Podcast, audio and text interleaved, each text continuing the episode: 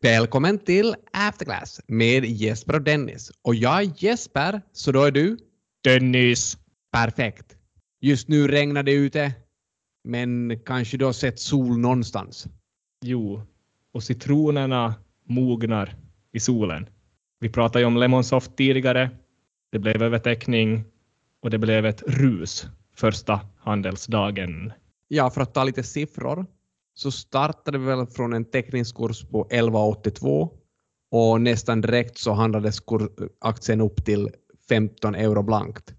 Så drygt 20 procent fick man som avkastning bara de första timmarna. Så lite gratispengar på bordet igen. Förstås lätt att säga i efterhand att man borde ha tecknat aktier, men jag tror till och med att det blev sagt i ett tidigare avsnitt. Men alla fick kanske inte lika stor pott aktier som man skulle ha velat ha. Man fick ungefär 25 procent av de aktier man valde att teckna. Jag tror vi har nämnt det också tidigare, men det finns ju forskning som visar och tyder på att det här är ganska vanligt att man får en sån här, så vi pratar om gratispengar, eller att man får en överavkastning om man är med och tecknar i nyemissioner. Och det här man menar på här då att första dagens avkastning är överlag hög. Jag visste det den här IQ-Matti som har någon forskning på det här. Eller ska vi prata om IPO-Matti efter? Ja, så det här var väl före Mattis IQ-era så var han ju IPO-Matti, eller finska IPO-Matti. Så han visade åtminstone på den här finländska marknaden så får man en överavkastning om man tecknar IPOs. Det här visade han i sitt 1993 JFI-papper. Säger han något annat också? Han säger väl kanske att okej, okay, egentligen så är det inte så lätt så att det bara är att teckna de här aktierna. För som ni märkte i Lemonsoft-fallet så får man ju inte alltid så många aktier som man väljer att försöka teckna. Och nu är det så olyckligt så att man får ofta färre aktier i de IPOs som kommer att ge en hög avkastning och mer aktier i de IPOs som kommer att ge en låg avkastning. Ja, för är det hög efterfrågan så får man en liten del och då går priset troligtvis upp. Är det låg efterfrågan får man en stor del och då kanske priset går ner. Och det där vet man inte förrän man har lagt in hur mycket man vill ha. Exakt, så det är det som är lite där problemet här. Så fast vi pratar om gratispengar så är de kanske inte så gratis i alla fall. Så över tid, om man deltar i alla IPOs som finns, förr eller senare åker man på en käftsmäll. Exakt. Och nu pratar vi ju hela tiden om det som händer de här första dagarna efter IPOn.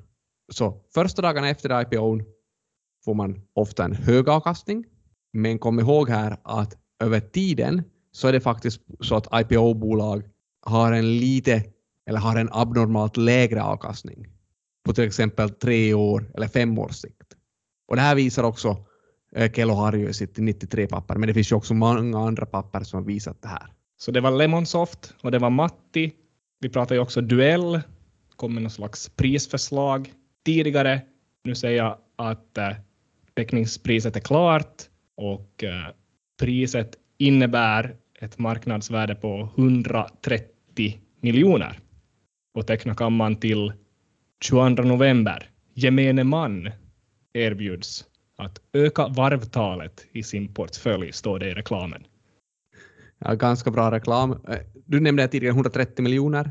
Det känns ju högt jämfört med vad vi gissade på. Vi pratade om 90 miljoner och då hade vi redan lite justerat upp vår gissning. Men det har väl kommit nya siffror nu också? Ja, men jag vet inte om det gör det bättre. Så vi pratade förra veckan om 100 miljoner i omsättning. Det visade det bara var 77 miljoner i omsättning. Lite förbluffad blir man också när man nu går in på den här investerarsidan som de har skapat. Och så väljer man att titta på deras key figures. Så de listar 35 nyckelsiffror, eller key figures. Och ingen av de här nyckelsiffrorna är vinsten. Fast vinsten är kanske det mått som de flesta är intresserade av. Får du fram vinsten då om du gräver? Ja, om vi gräver lite i de här bilagorna som finns på den här investerarhemsidan för Duell så hittar vi nog ett bokslut och där kan vi se att vinsten var 3,3 miljoner för perioden, eller för deras 2020.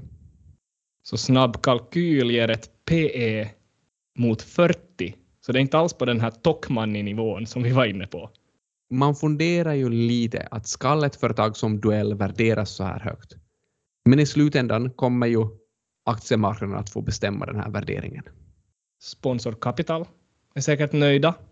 Jag såg också att det här samma sponsorkapital som är med involverat här var ju också involverade i Ortex som listades eh, tidigare och som vi nog också har pratat om.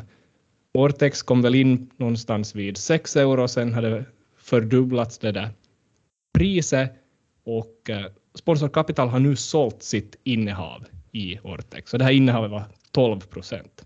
Så de är tydligen färdiga med Ortex nu. Man undrar om de skriver på sin hemsida att de är sådana här långsiktiga investerare. Över tid blir ju tidshorisonten kortare och kortare. Så det är kanske någon sån förklaring som finns där. Har vi några andra bolag om vi söker oss upp i landet som ska börslistas då? Vi var ju från Vasa till Korsholm. Har vi någonting norr om polcirkeln? Hittar vi faktiskt ett bolag i jultomtens huvudstad Rovaniemi, Norrhydro. Baserat på namnet låter det som hydraulik. Ja, det har du väl helt rätt i. Lite cylindrar också. Kanske lite skräddarsytt till och med. Åtta miljoner ska in hit, förstår jag. Lemonsoft tog ju också in nya pengar, 15 miljoner, men de behövde ju inte, kanske inte de här 15 miljonerna så här direkt, eller man såg inte hur de skulle behöva de här 15 miljonerna. Hur är det med Norrhydro? Jag noterar till exempel att av de här åtta så kommer 1,3 miljoner direkt att åka ut. För att uh, i december är det förfallodag på en stor faktura från Finnfund.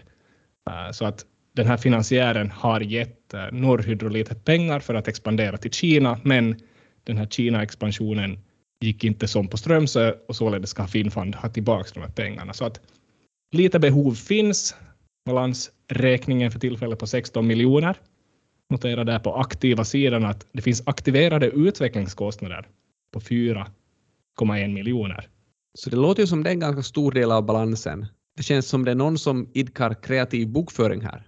Ja, det är någon som vet hur man ska göra saker för att få resultatet upp möjligtvis. Och är det möjligtvis den här Yrjö Trög, nuvarande VD och styrelseordförande, som har fixat till det där. Han är också CGR-revisor, alltså en sån här certifierad revisor med pappren i skick. Kanske det är han som har lyckats med det där konststycket. Så vet ju inte så mycket ännu kanske om deras verksamhet, men det känns som det redan här finns några små röda flaggor. Och det finns väl no någon slags prickar i protokollet sedan tidigare också uh, med hur man har fixat och trixat med uh, det egna kapitalet. Ja, det här får man alltså teckna. Teckningspriset 3,15 ger ett marknadsvärde på 26 miljoner. Om vi tar vinsten i beaktande där också, PE med förväntade siffror eh, 26. Så det är ju billigare än både Lemonsoft och Duell, men man ska kanske komma ihåg att den här Norrhydros affärsverksamhet är väldigt mycket mer kapitalintensiv än till exempel då Lemonsoft som gör ERP-system eller Duells.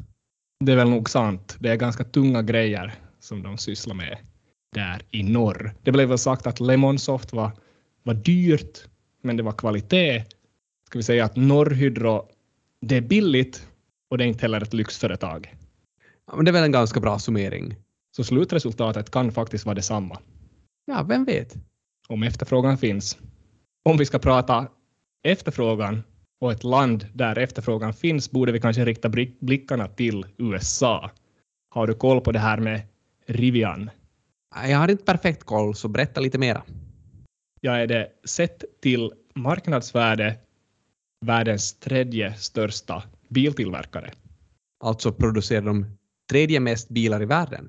Fokus ligger kanske inte så mycket på produktion ännu. Man siktar på cirka tusen bilar, elektriska bilar under 2021. De gör sådana här pickups mer.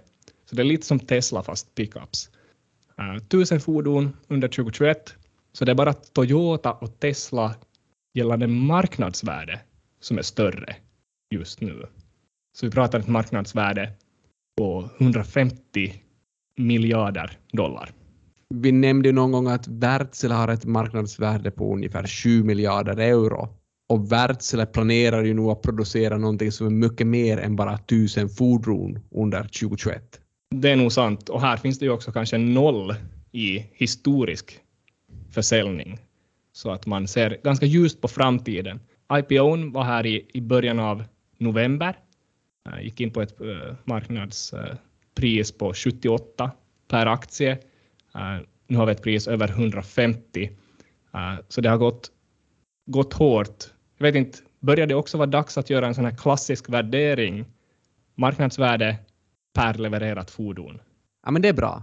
Jag minns i avsnitt ett, då var Tesla värt en miljon per producerad bil. Nu är troligt den siffran en annan, men vi kan göra det för Rivian och säga tusen planerade fordon 2021, 150 miljarder, så får vi 150 miljoner dollar per fordon.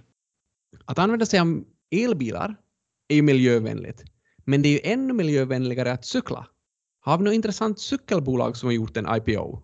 Det finns ju det där Peloton som kom in för en tid sedan, det här spinningcykelföretaget som man prenumererar på lite videos, eh, får lite vägledning och kanske också köper den där själva cykeln som man har där hemma. Vad jag har förstått nu är att cyklarna mer har blivit privata klädhängare, väldigt dyra klädhängare och att folk har slutat, avslutat prenumerationen. Marknadsvärdet har också halverats. Jag kollade för två veckor sedan på den här kvartalsrapporten för Q1 2022. Äh, vänta alltså kvartalsrapporten för Q1 2022? Alltså deras år slutar uh, sista juni, så det här Q1 2022 är egentligen Q3 2021 enligt kalenderåret, men de går kanske lite sådär händelserna i förskott här. Uh, hur som helst, ganska dålig rapport. Under frågestunden frågade en uh, viss Doug från JP Morgan om mer kapital behövs. Jill Woodworth uh, svarade sen på hans fråga. Vi kan kanske höra hur det lät. I think uh, just in terms of balance sheet and, and cash flow, you burned about $650 million in cash in 1Q and, and obviously looking at further EBITDA losses ahead. So curious, uh, you know, how much cash you're comfortable operating the business with going forward. Thanks. Yes. Hi, Doug. Uh, it's Jill. Thanks for your question. Um, I think just cutting to the chase, we don't see the need for any additional capital raise based on our current outlook. As we mentioned, we're taking significant steps to adjust our expenses across COGS and OpEx um, with this revised revenue guidance, and we have a lot of levers to pull. Så åtminstone på basen av det här svaret så känns det ju som att allt var helt under kontroll. Ja, det finns många spakar att dra i. Det intressanta var dock kanske att elva dagar efter den där rapportpresentationen meddelade Jill och company på Peloton att uh, det ska säljas ut lite nya aktier för att nu behövs en miljard in till Peloton för att få bukt på problemen och det fick då igen kursen på fall. Så jag vet inte hur okej okay är det att först säga att det är inga problem och sen mindre än två veckor senare säga att det fanns nog lite problem i alla fall. Det känns som att kanske någon skulle borde smätta bolagen på fingrarna för sånt där beteende. Men där uppfyllde ju analytikern Dog en viktig uppgift, att han, han, han berättade det här för alla som valde att lyssna på den här. Ja, det var bra gjort av Doug och nu i efterhand kan man ju alltid gå in och läsa det där transkriptet och videon finns att se på så att inga problem. JP Morgan kan man kalla det en institutionell investerare, lite sådär. Jag såg att Blackrock, som är en liknande, kanske världens största kapitalförvaltare, brukar man säga det kanske. Är det kanske man brukar säga. Åtminstone har vi sagt det nu. så folket på den här svarta stenen, så de utsåg nyligen Sandra Boss till en sån här corporate watchdog officer. Så kanske det är just hennes typ av person som ska hålla koll på sånt här i framtiden. Sandra Boss, man kan ju fundera, kan man ha ett bättre namn om man är chef? Jag menar... Det låter som det ultimata namnet. En sak som är lite intressant med den här Sandra dock, och uh, man kan ifrågasätta liksom att hur bra är hon att hålla koll på folk och bolag i och med det här att hon för några år sedan gifte sig på en eh, plats med en mördare på fri fot. Och den här mannen, det var Christian Gerhardsreiter. Så han var en intressant person som föddes i Tyskland, flyttade till USA, antog namnet Clark Rockefeller och då ville säga att han, han, han var en Rockefeller, för det är väl bra att vara en Rockefeller. Då är man stenrik. Så han gifte sig då med Sandra, uppgav sig för att vara en Rockefeller. Eh, Sandra jobbade då framgångsrikt på McKinsey. De fick en dotter och Christian levde på hennes konsultpengar. Så han hade för flera, många år på 80-talet någon gång hade han mördat en person också och var lite på flykt från det där. Hon ansåg dock att han betedde sig lite konstigt och, och skilde sig från honom därefter. Så hon insåg ju i alla fall sitt, sitt misstag där. Men lite konstigt att man har en sån här person som har blivit corporate watchdog. Det kan ju också vara så att de som har utsett den här personen inte vill bli övervakade. Det är också ett sätt att se på det. Vi får väl önska Sandra lycka till. Och någon som också kanske behöver ett lycka till så är väl vi två. Vi ska ju vara med på den där Vetenskapskarnevalen fredag 19 november i Vasa stadsbibliotek och hålla en så kallad livepodd. Vi får se hur det går. Hoppeligen får vi lite nya insikter där. Och så fortsätter vi nästa vecka i After Class.